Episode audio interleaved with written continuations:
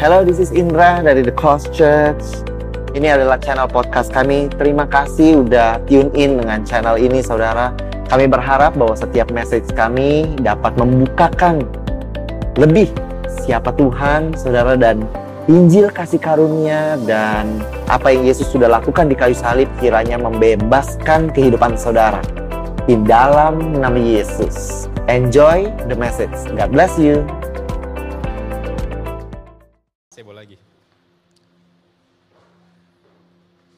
Selama dua bulan terakhir ini saudara-saudara kita dilayani oleh Pastor Indra dengan firman series-series firman yang begitu luar biasa. Dan saya percaya bahwa saudara diberkati karena saya begitu diberkati. Kemudian juga kita dilayani oleh Ko Isak, saudara-saudara. Uh, what an amazing sermon yang ketika dia bagikan tentang Ayub. Jika saudara belum pernah mendengar cerita tentang Ayub, sebagaimana Ko Isak bagikan, saya menjual CD-nya jadi saudara dapat membeli melalui saya. Uh, YouTube nanti akan saya take down videonya. Lalu juga minggu lalu, I think it was an amazing sermon by Pastor Yohanes. Uh, saya belum pernah mendengar ayat yang dikatakan bahwa bangsa bangsa apalah gitu dia bilang Tuhan Israel itu hanya ada di gunung, nggak ada di lembah. That was the first time I heard that verse. My goodness gitu uh, tanpa kita sadari saya rasa itulah yang mungkin terjadi secara realita dalam kehidupan kita. Banyak orang berpikir bahwa ketika orang Kristen hidupnya baik ya betul lah mereka memuji nama Tuhan. Tapi ketika mereka di dalam lembah, ketika mereka lagi susah, lihat kan Tuhan mereka meninggalkan. Lihat kan pasti ada sesuatu yang buruk yang mereka lakukan. Pasti ada sesuatu dosa yang mereka sembunyikan. Pasti ada sesuatu hal yang tidak baik. Itu yang sering kali dirasakan oleh bangsa-bangsa lain yang tidak mengenal Tuhan. But last week, what an amazing sermon by Pastor Johannes. Ketika dia katakan bahwa our God is not only God on the mountain, tapi dia juga Tuhan yang ada di lembah. Hari ini saya ingin melanjutkan uh, discontinuity, saudara-saudara. Uh, bagaimana kasih karunia itu bisa sangat praktikal di dalam kehidupan kita. Saya sangat senang dengan pengajaran saudara yang sudah kenal saya lama, saudara sangat tahu itu saya rasa by now bahwa saya sangat senang dengan pengajaran. Tapi hari ini saya membawa sebuah sebuah firman yang very practical menurut saya. Uh, tidak lari dari fundamental kita, tidak lari dari pondasi kita, kebenaran kita, tapi melihat di dalam kacamata sehari-hari saudara-saudara. Dan saya beri judul pada hari ini, In the Field of Grace in the field of grace. Saya akan mulai dengan kitab Yohanes pasal ketiga saudara-saudara. Ini adalah perjumpaan Yesus dengan Nikodemus, seorang ahli Farisi, seorang ketua dari pemimpin agama orang Yahudi saudara-saudara. Jadi dikatakan di ayat ketujuh demikian ketika Yesus berkata kepada Nikodemus, "Janganlah engkau heran, karena aku berkata kepadamu, kamu harus dilahirkan kembali." Lalu Yesus mulai abstrak saudara-saudara. Angin bertiup ke mana ia mau. Dan engkau mendengar bunyinya. Tetapi engkau tidak tahu dari mana ia datang atau ke mana ia pergi. Demikianlah halnya dengan tiap-tiap orang yang lahir dari roh saudara-saudara. Buat saya yang orangnya cukup science saudara-saudara, this doesn't make sense at all. What is he talking about? Tapi it gets interesting karena di dalam konteks ini semua Yesus sedang berbicara tentang lahir baru. Bahwa Yesus sedang berbicara kepada Nikodemus bahwa perlu kita untuk dilahirkan kembali dari air dan roh. Dan saya sudah jelaskan di firman saya yang terakhir dua bulan lalu. Bahwa ada sesuatu yang berbeda saudara-saudara dari kehidupan lama kita dengan kehidupan baru kita. Bahwa ketika kita dilahirkan kembali saudara-saudara. Ketika kita percaya kepada Yesus. Karena satu-satunya jalan adalah Yesus saudara-saudara. Maka mulai detik itu juga kita akan disebut sebagai ciptaan baru. Ciptaan baru saudara-saudara. Saudara bukan lagi bukan lagi a, cre a creation of flesh. Tapi saudara adalah a spiritual being saudara-saudara. Ada roh yang tinggal di dalam kehidupan saudara dan saya. Tapi Yesus sudah memberikan sebuah hint. Sebagaimana angin. Kita nggak tahu Seringkali itu yang kita rasakan sebagai orang percaya, saudara-saudara, di dalam kehidupan kita sebagai spiritual being. Saudara dan saya tidak sadar bahwa kita sudah berbeda. Saudara dan saya sering kali merasa, watch change? Dan orang-orang lain sering kali mengklarifikasi hal tersebut, mengkonfirmasi dan berkata, nothing change from you. Karena kita masih di dalam tubuh yang sama. Beda kalau misalnya setelah saya dibaptis, pas saya keluar, pori-pori jerawat sudah menutup semua. Kulit langsung seperti orang Korea, mulus bener gitu, semut bisa kepleset. Badan langsung kayaknya wow. Itu air, air zam-zam. 15 kilo langsung hilang saudara-saudara. But we are still on the same physical being. Maka itulah kita sering kali bingung gitu, apakah benar kita sudah percaya, apakah benar saudara sudah percaya, apakah benar maksudnya God change my life. Maka itu dikatakan gitu seperti angin bertiup ke mana ia mau. Dan engkau mendengar bunyinya tetapi engkau tidak tahu dari mana ia datang atau ke mana ia pergi. It's the same thing. Setiap orang yang lahir dari roh. Dan Yesus di dalam bahasa aslinya saudara-saudara, He's such a master of words. Karena roh kudus saudara-saudara, di dalam bahasa aslinya, di dalam bahasa Yunani digunakan menggunakan kata pneuma. Jadi pneumonia, pneuma, roh, pneumo, pneuma. Dan angin, saudara-saudara, menggunakan kata yang sama, pneuma. Jadi, saudara dan saya tahu, kita nggak bisa melihat angin, tapi kita bisa merasakan angin. You know it. When the presence is here, You know it. You cannot describe. You cannot explain. You cannot put it into words. But you know it. Dan saya percaya ketika saudara menerima Yesus, you know it something is different. You know it. Ada hal-hal yang lahir dari hati saudara.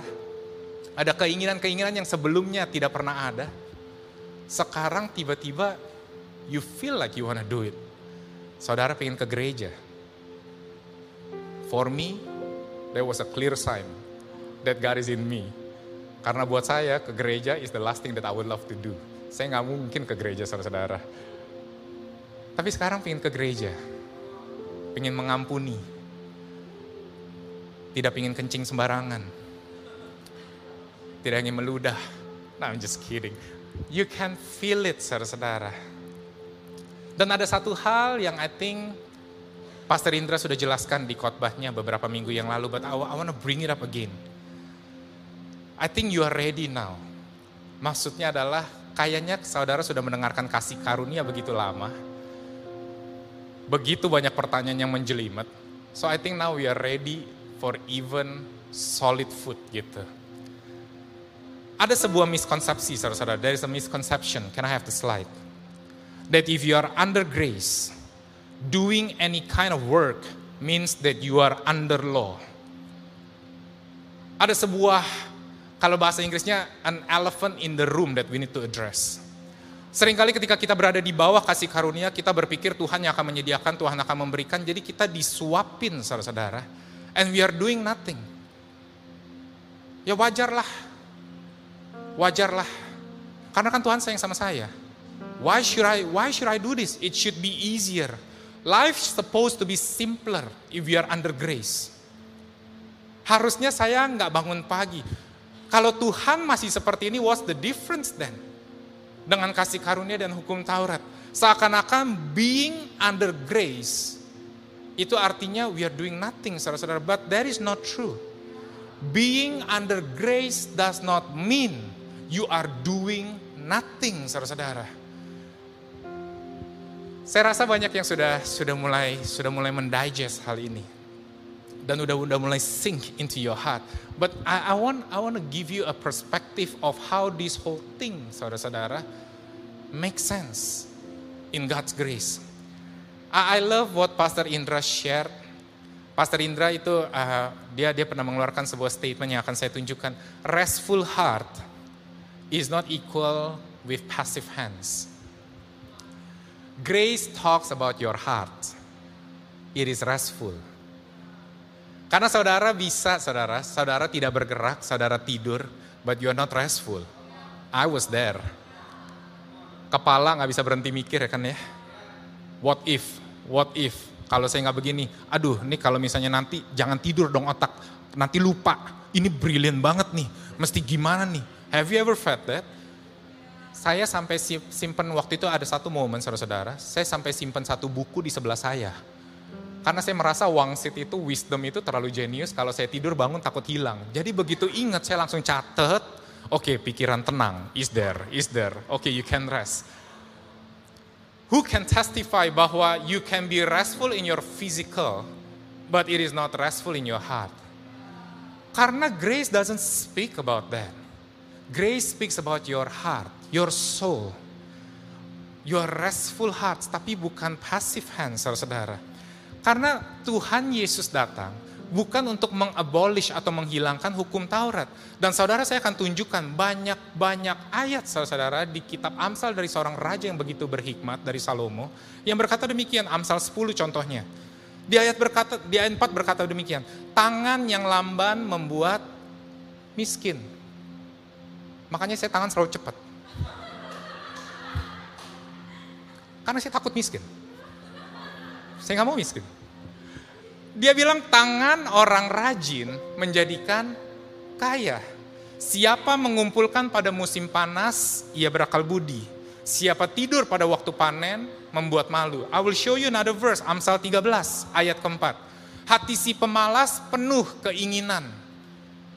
Saya pingin suatu hari nanti ke Amerika. Saya pingin seperti Samu, yang kalau pergi terbang kayaknya nggak mikir. Langsung aja, cus banyak keinginan. Saya pingin seperti Ryan, punya perusahaan Bardi yang ditakuti oleh merek-merek besar. Sebut saja depannya P, belakangnya S. Tangannya L, dan kita sebut Philips. Ya kan? You know what I'm saying? Hati orang pemalas punya banyak keinginan, saudara-saudara. Tapi sia-sia, sedangkan hati orang rajin diberi kelimpahan. Amsal 22 ayat 29. Pernahkah engkau melihat orang yang cakap dalam pekerjaannya? Orang yang begitu expert, yang begitu ahli. Di hadapan raja-raja ia akan berdiri. Bukan di hadapan orang-orang yang hina. Amsal pasal 6 saudara-saudara. Hai pemalas, pergilah kepada semut. Perhatikanlah lakunya dan jadikanlah bijak. Dan jadilah bijak. Biarpun tidak ada pemimpin. Oh my Jesus. Tidak ada pemimpin, tidak ada penguasa atau pengaturnya. When nobody is watching over you No supervisor, no leader, no manager, no boss, no pastor. Hah? Ia menyediakan rotinya di musim panas dan mengumpulkan makanannya pada waktu panen. Hai pemalas, berapa lama lagi engkau berbaring? Bilakah, cie bahasanya mantap ya, bilakah? Kapankah engkau akan bangun dari tidurmu? Tidur sebentar lagi, mengantuk sebentar lagi, melipat tangan sebentar lagi untuk tinggal berbaring. Maka datanglah kemiskinan kepadamu seperti seorang penyerbu dan kekurangan seperti orang yang bersenjata. Ada ayat-ayat ini saudara-saudara. Dan Yesus berkata dia tidak datang untuk menghilangkan perjanjian lama. Dia datang untuk menggenapi sebab semua yang terjadi di dalam perjanjian lama saudara-saudara. Itu fokusnya kepada saudara dan saya. I have to work harder. I have to wake up earlier. Maka itu saya ingin katakan hari ini, do not mistake. Jangan salah artikan diligence atau kerajinan atau kerja keras sebagai sesuatu kutuk saudara-saudara.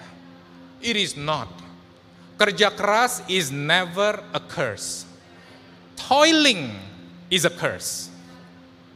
Nangkep ya? Bangun pagi, bekerja is not a curse. It doesn't mean that you are not living under grace, saudara. Ketika saudara lembur bukan berarti saudara tidak sedang di dalam kasih karunia. Makanya tadi saya katakan saudara-saudara, I think you are ready now for solid food. Kita udah langsung aja, let's let's let's make it clear, let's address the elephant in the room gitu. Seringkali kita berpikir, no, grace supposed to be easier. It's simpler. It's simpler, saudara-saudara. But it might not be easier. Pastor Indra menceritakan tentang kehidupan Paulus. Bagaimana dia shipwreck, ditahan. It's not easier. Tapi simpler because the heart is always at rest. Dengan segala badai, saudara-saudara, dengan segala kesulitan, dengan segala ups and down, the heart is at rest dan kita bangun always ready for what God is about to bring, saudara-saudara. Kalau kita lihat ini semua di perjanjian lama, I'll show you di perjanjian baru. The Apostle of Grace, Paulus sendiri berkata di 2 Tesalonika pasal 3 ayat 10, saudara-saudara. Sebab juga waktu kami berada di antara kamu, kami memberi peringatan ini kepada kamu. Jika seorang tidak mau bekerja, janganlah ia makan. Maka mulai sejak saya mengerti ayat ini, jadi dia sudah berpuasa, saudara-saudara anak saya, tujuh tahun sudah berpuasa. Karena dia tidak bekerja. There is no contribution whatsoever in our family. Jadi saya bilang, jangan makan kamu. I'm just kidding. Paulus, the apostle of grace, berkata kalau kamu tidak mau bekerja, jangan makan. Pastor, pa ah, Pastor Paulus, Apostle Paulus, saudara-saudara, Rasul Paulus, kalau kita belek, saudara-saudara, I think his blood bleeds grace, saudara-saudara. But yet, he said this. Lalu dia katakan di Kolose pasal 3 ayat 23 sampai 24. Apa pun juga yang kamu perbuat, perbuatlah dengan segenap hatimu seperti untuk Tuhan dan bukan untuk manusia. Kamu tahu bahwa dari Tuhanlah kamu akan menerima bagian yang ditentukan bagimu sebagai upah. Kristus adalah Tuhan dan kamu hambanya. Now I'm gonna talk to you about this is how we work and we live in grace, saudara-saudara. Waktu ketika saya COVID dua tahun lalu, saudara-saudara, uh, last year, wow, udah kayak lama banget ya, but last year. Uh, sebenarnya saya sedang bergumul for many years. Saya saya saya nggak pernah cerita ini ke orang-orang, tapi saya saya cerita ke Pastor Indra, saya cerita ke istri saya of course, and some moments saya cerita ke Pastor Christy dan Yohanes gitu. For many years, saya bergumul, I told them, I told Pastor Indra, kayaknya saya nggak mau berkhotbah lagi. I don't think I am the right fit to preach. I don't think I know things. Uh, it is a very lonely place up here, you know what I'm saying? And all eyes can say whatever they want to say, and I'm not ready for that. I don't think I'm smart enough. I think we are blessed with all the pastors and the preachers that are in the house. Ada Pastor Indra, Pastor Johannes, Christy was preaching, Chiu was preaching, Josh was preaching, Ko Isak was preaching. We have many good preachers, saudara-saudara. Dan I felt, I don't think this is me. Saya merasa, saya merasa, to be honest, saya kayaknya lebih cocok manajemen, saudara-saudara. Behind the scene. Trust me on that. Saya merasa lebih cocok di situ gitu. So I was battling about it for many years. Lalu pas tahun lalu di di rumah sakit waktu saya COVID, ada seorang yang begitu dekat dengan saya, very close. Makanya dia berani menanyakan pertanyaan yang menurut saya kurang ajar, saudara-saudara. Very close. Kadang kalau udah terlalu dekat nggak ada filter ya. Uh, Tuhan Yesus. Udah kayak mau di ini. Papa saya lagi di ICU. Uh, jadi dia menanyakan hal ini. Dia panggil saya Koacong. Koacong. Are you sure you still want to serve? Masih mau dalam pelayanan.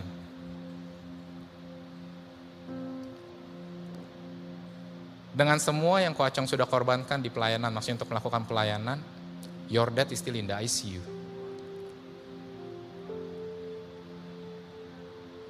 Apa bedanya? Koacong bukan seperti seorang yang maksudnya kayak Tuhan pilih khusus dan akhirnya dilindungi dari segala mara bahaya ini dan segala kebingungan ini. Wow. Uh, maknyus ya. Nancep senancep-nancepnya. Dia bilang, I don't think I'm ready for that question. So let's see how God will answer gitu in a way. Tapi yang menarik saudara-saudara pas itu saya nggak jawab itu. Besoknya dia telepon lagi. We, we call every day basically. Kita teleponan setiap hari. Besoknya dia telepon lagi. Dan pas setelah saya tutup telepon itu, that was the that was the meditation of the day basically. Saya renungkan gitu yang kayak what's going on gitu. God gave me the answer saudara. God gave me the answer. For me personally, I'm not saying this for you. Bukan untuk saudara, tapi untuk saya pribadi. Saya tahu kehidupan saya di masa lalu, saudara-saudara, sebelum mengenal Tuhan. Saudara mungkin melihat saya sebagai seorang pendeta, tapi saya tahu nakalnya saya dulu, saudara-saudara.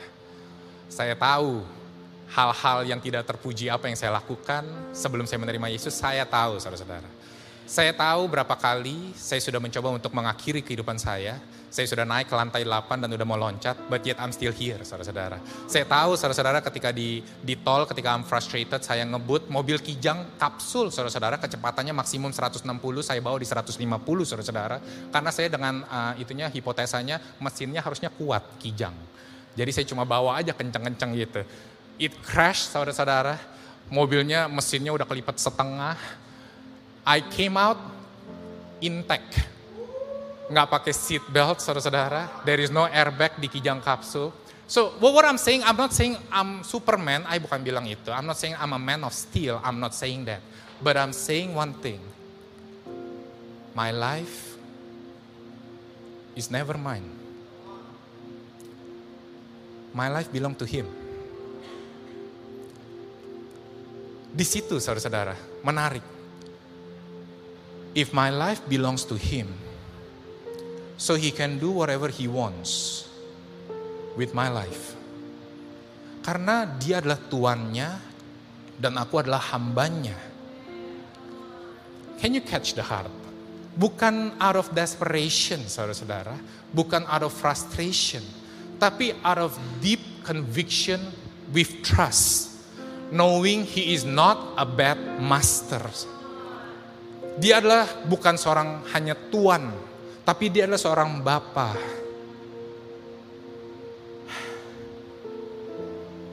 Seperti anak kita yang masih kecil, ketika kita gendong dan kita lempar, saudara-saudara.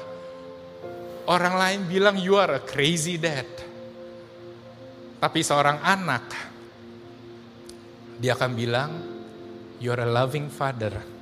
Because it's exciting at the same time, but it is also safe. Lucu saudara-saudara. Jadi the, the, the, the struggle of many years tentang preaching terjawab in that instant. If God still want me to preach, kalau dia masih kesempatan, kasih ke saya kesempatan untuk membagikan firman, I'm yours God. It's no longer about my feeling now, whether I feel secure or not. Tapi I know, my Abba tidak akan pernah menempatkan I ke sebuah tempat yang melebihi kekuatan I. Fully trusted. Jadi saya jawab, saya bilang, teman saya yang kurang ajar ini, but she's still around though. Her name is Chu. No, no, I'm just, no, no, no, enggak, bukan. so so so I, I told them, gitu, I told them, I'm gonna be still around. I'm gonna still serve. Because this is not my life. Uh, I hope saudara ketika mendengarkan ini nih bukan bukan saudara lihat saya ya. Tapi you see the love of the Father. Sampai I, I can sampai saya bisa bisa fully trust And I know that you experience that too. Maka itu dikatakan dibilang, bekerjalah seperti untuk Tuhan. Karena Tuhan kita tidak bukan Tuhan yang buta, saudara-saudara. Tuhan kita bukan Tuhan yang tuli, saudara-saudara. Tuhan kita bukan Tuhan yang hanya diam melihat kita mau lihat nih sampai sejauh mana dia akan jatuh. Tuhan kita adalah Tuhan yang aktif, saudara-saudara. Ketika orang-orang tidak menghargai saudara dan saya, Tuhan kita tahu caranya menghargai saudara dan saya. And many times I experience that. Many times I felt gitu yang kayak ketika saya membagikan firman terus I felt like blah. Just blah gitu. Pulang gitu Rizka, bilang Rizka, otaknya nggak berhenti just keep condemning, condemning, condemning, condemning. You're not good enough. You didn't preach enough. Kenapa kasih contohnya kayak gitu? You didn't think enough. Wah gile man. God knows how to encourage saudara-saudara. Simple things. Just simple things. Tapi dia bukanlah Tuhan yang tinggal diam. Karena itu saya ingin katakan ini saudara-saudara. Can I have the next slide? A drop of his favor worth years of our labor saudara-saudara.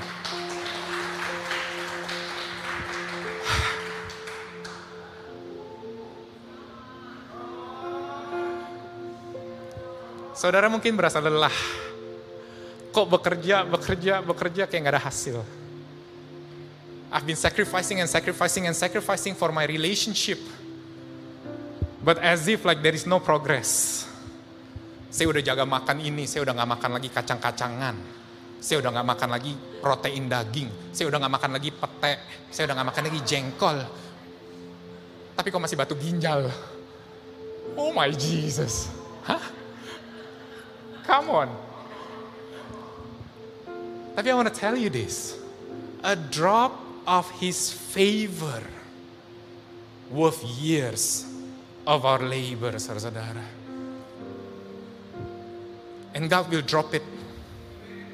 God knows how to drop it. Dia tahu kapan perlu merintikan hujan tersebut, saudara-saudara. Dia tahu kapan untuk mendatangkan that drop, saudara-saudara. He knows the right time. Makanya saudara dan saya, I can say this confidently. You are still around because you are the evidence of grace, saudara-saudara. I can confidently say that. Pasti, saudara-saudara. Yesaya 48 berkata demikian, dia 17. Beginilah firman Tuhan penebusmu, ya Maha Kudus Allah Israel. Akulah Tuhan Allahmu yang mengajar engkau tentang apa yang memberi faedah. Bahasa Inggrisnya saudara-saudara. Who teaches you to profit. To profit. Seringkali ketika kita mendengar hal ini kita bilang, orang sering berkata, wah lagi prosperity gospel.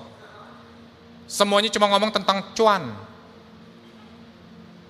Mana Josh Jovianus? Kita punya statement, hidup cuan 888. Hah? Kurang Cina apa coba?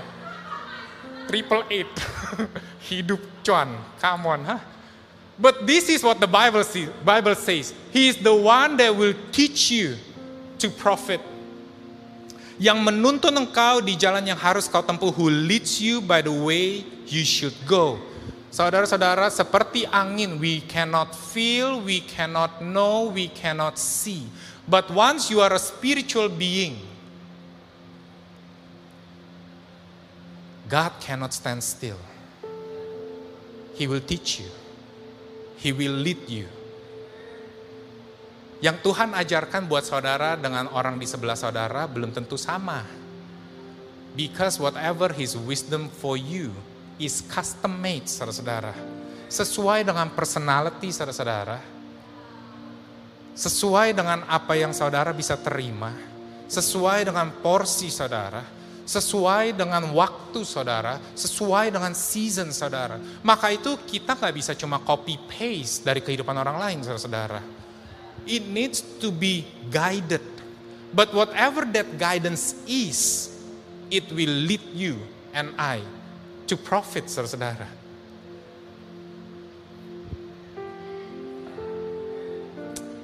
Yosua 1 ayat 8. Janganlah engkau lupa memperkatakan kitab Taurat ini, tetapi renungkanlah itu siang dan malam. Renungkan, saudara-saudara, bukan baca siang dan malam. That is different. Renungkan. Kalau orang selalu bilang pakai seperti sapi, makan, muntahin lagi, makan, muntahin lagi. Jorok banget ya. Terus kita makan tuh sapi. Aduh Tuhan Yesus. Tapi renungkan means it takes time. Kita bisa mendengarkan banyak firman, but if we never meditate upon it, make it personal. Make it ours. Itu sama aja seperti kalau kita lagi seperti jadi dia, lagi ngafalin PPKN saudara-saudara. Pancasila. Satu.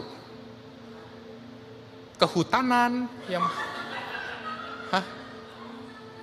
Gawat banget. We can read and read. But it doesn't sink in, saudara-saudara. Supaya engkau bertindak hati-hati sesuai dengan segala yang tertulis di dalamnya. Sebab dengan demikian perjalananmu akan berhasil dan engkau akan beruntung. Your way prospers and then you will have a good success. This is what Joshua wrote. Tapi sering kali kita berkata, loh itu kan kitab Taurat.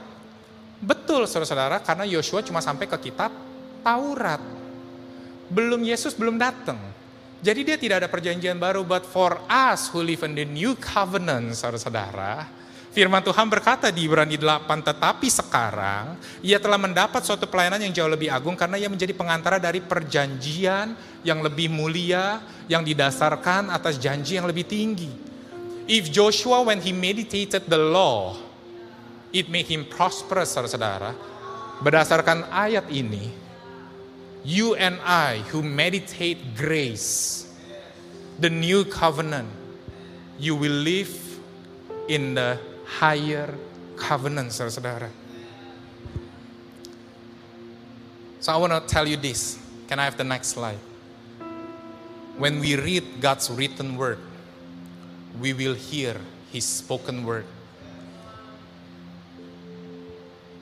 Kita tahu Tuhan ingin menuntun kita kepada kesuksesan, kepada keberhasilan. And we always ask, how, how, how?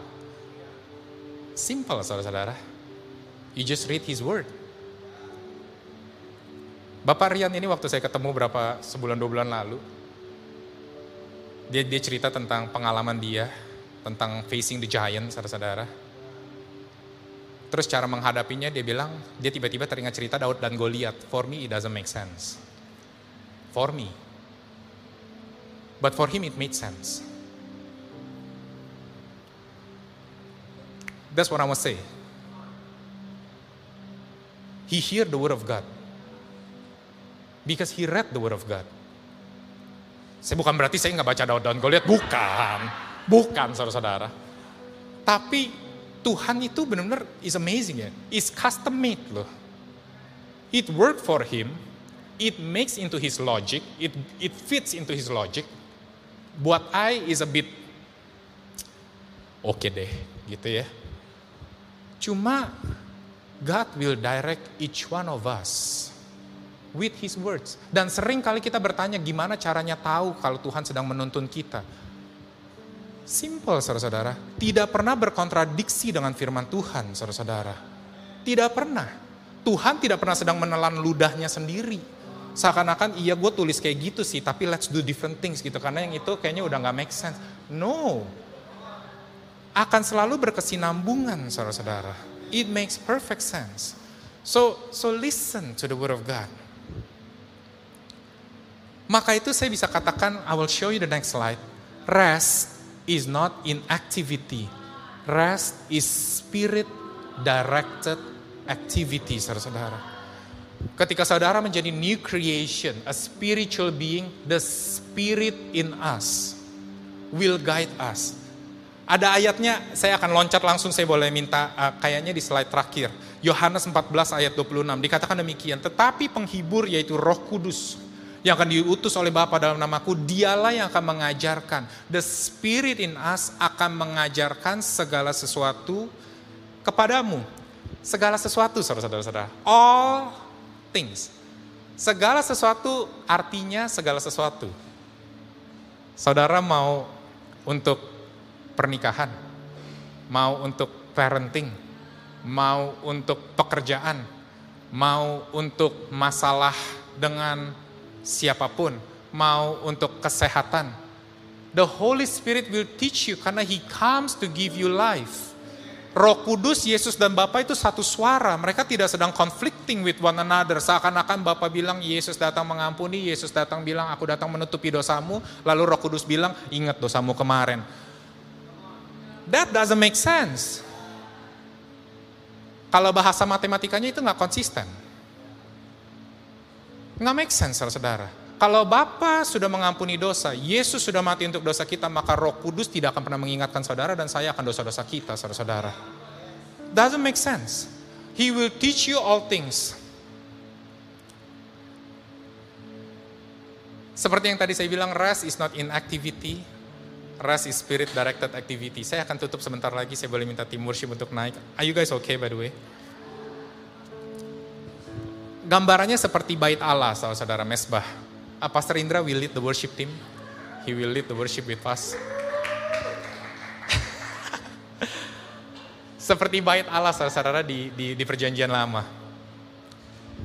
Pastor Indra pernah mem membagikan ini dalam firmannya.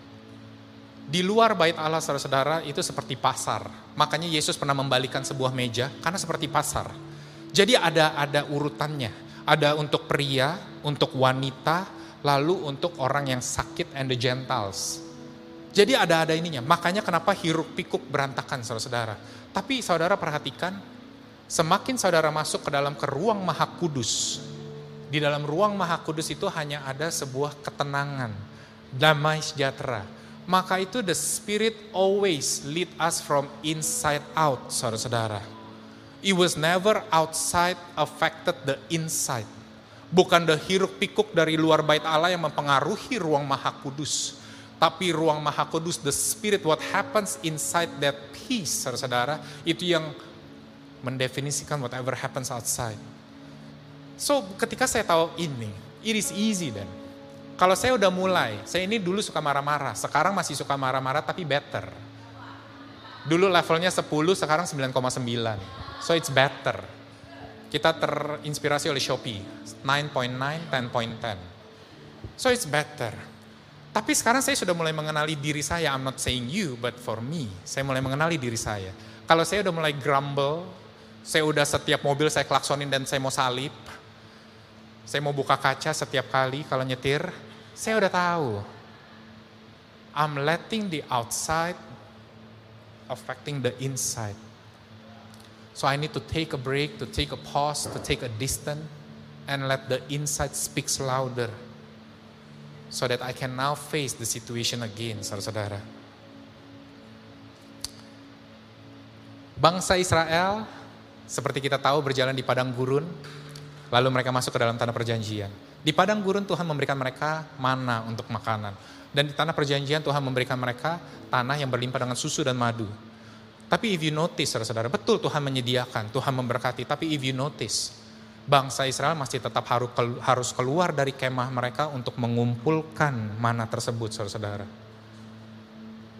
Dan di sinilah yang the messed up thing, sering kali kita berpikir tentang kebaikan Tuhan. Tuhan harus menyuapi kita, saudara-saudara. That provision and that blessing has to be served right in front of our doors, saudara-saudara. Seakan-akan Tuhan yang harus membawa masuk. No, It was consistent dari perjanjian lama. Bangsa Israel masih tetap harus keluar dan mengumpulkan mana. Ketika mereka masuk ke tanah perjanjian, mereka masih harus tetap mengolah tanahnya untuk mendapatkan hasil yang melimpah. Tapi Tuhan katakan, engkau tidak menanam anggur ini tapi engkau menikmati anggurnya. Engkau sedang tinggal di sebuah kota yang tidak kau bangun kotanya. Ada percepatan saudara-saudara ada favor saudara-saudara. That you are starting not from zero maybe. You are starting from some other level saudara-saudara. Dan itu semua it's spirit directed Tuhan yang menginstruksikan. Buat saudara-saudara yang senang hustle, senang kerja keras. Firman ini pasti cocok. Lalu mulai tuh, dengerin tuh. Tapi buat kita, buat kita bukan buat saudara-saudara, buat kita termasuk saya. Yang senang dengan kata-kata passive income. Hah? Ya enggak? Everything is passive. Sudah tersedia. Cukup kesulitan mendengarkan hal ini. Tapi the same God yang menginstruksikan mereka untuk keluar dan mengambil is the same God yang mengajarkan mereka untuk mengambil double ketika mereka akan masuk ke hari sabat agar mereka bisa beristirahat. Is the same God yang mengajarkan mereka untuk mengolah tanah Tuhan katakan di tahun ketujuh istirahatkanlah tanah tersebut. The same God that asks us to move is the same God that asks us to stop, saudara-saudara. Karena is not always about moving, is about spirit led, saudara-saudara. Maka itu Pastor Indra share dua minggu lalu tentang seperti cook yang dipasang kepada oxen, kepada lembu saudara-saudara. Kita adalah hambanya, we are the younger ones. So we need to learn to move according to the experience one. I want to tell you this. Tuhan kita sudah ada sebelum dunia ini ada dan sudah ada setelah dunia ini tidak ada saudara-saudara. I cukup yakin he's an expert of this whole thing. Recession is not something new for him. Problem in marriage is not something new. He was there before this whole thing, this whole chaos happened. Waktu bumi belum terbentuk, dia yang datang dan dia yang merapikan saudara-saudara. Masih berantakan, tapi our God is a God with a controlled chaos saudara-saudara. He is not afraid of chaos. He's a controlled chaos saudara-saudara. Jadi, I want to close with this. As a child of God, saya boleh minta slide-nya. I want to tell you this. You can hear God's voice and you can follow His Spirit. Nggak ribet loh benar-benar. Nggak yang kayak merasa kita harus ada di telinga kita, wow. Seperti speech recognition. Enggak loh. You can sense it like a wind. You can sense it. Karena keinginan dari Roh Kudus adalah damai sejahtera dan bukan kekacauan, saudara-saudara. So you know, ini arahnya Tuhan karena ada peace. Orang lain mungkin gak mengerti, orang lain mungkin akan mempertanyakan, but somehow you have peace. Tapi bukan berarti hanya suara Tuhan saja, lalu kita, wah kayaknya cuma Tuhan-Tuhan yang harus ngomong sama saya, orang-orang lain gak boleh. Enggak, saudara-saudara. God can speak through people around you who love you so much your spouse, your partners, your leaders. Hmm. Jadi saya mau katakan,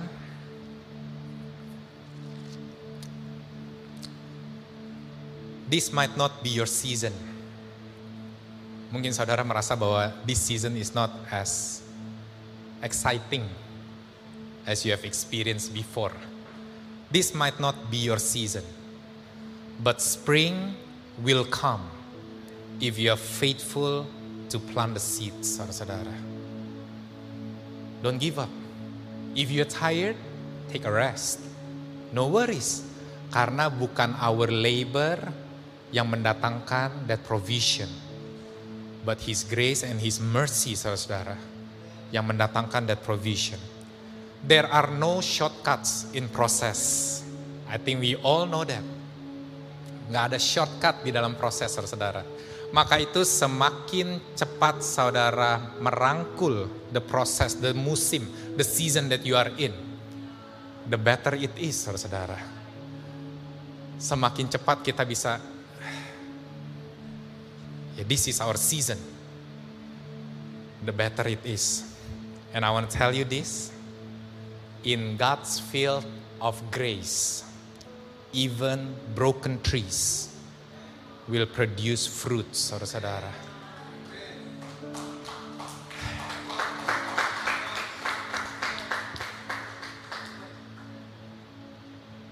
Dulu pas awal-awal grace, I speak a lot about his favor, about his grace. Tapi semakin ke sini, in his grace, I speak a lot about His mercy, saudara-saudara. Terlepas dari segala kesalahan apa pun yang saya buat, dia masih tetap mengcover, dia masih tetap menutupi, dia tidak memperhitungkan, and He still call you as His beloved Son.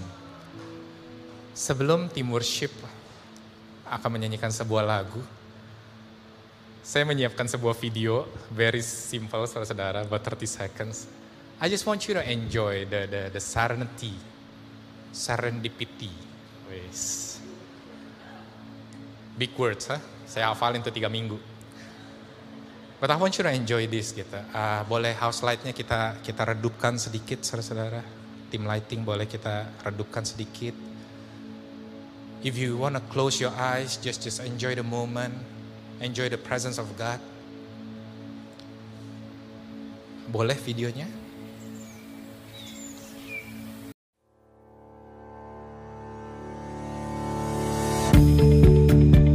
Terima kasih lagi sudah mendengarkan episode ini saudara dari podcast ini. Thank you so much saudara. Saya berharap bahwa Injil kasih karunia dan apa yang Yesus sudah lakukan bisa membebaskan kehidupanmu saudara.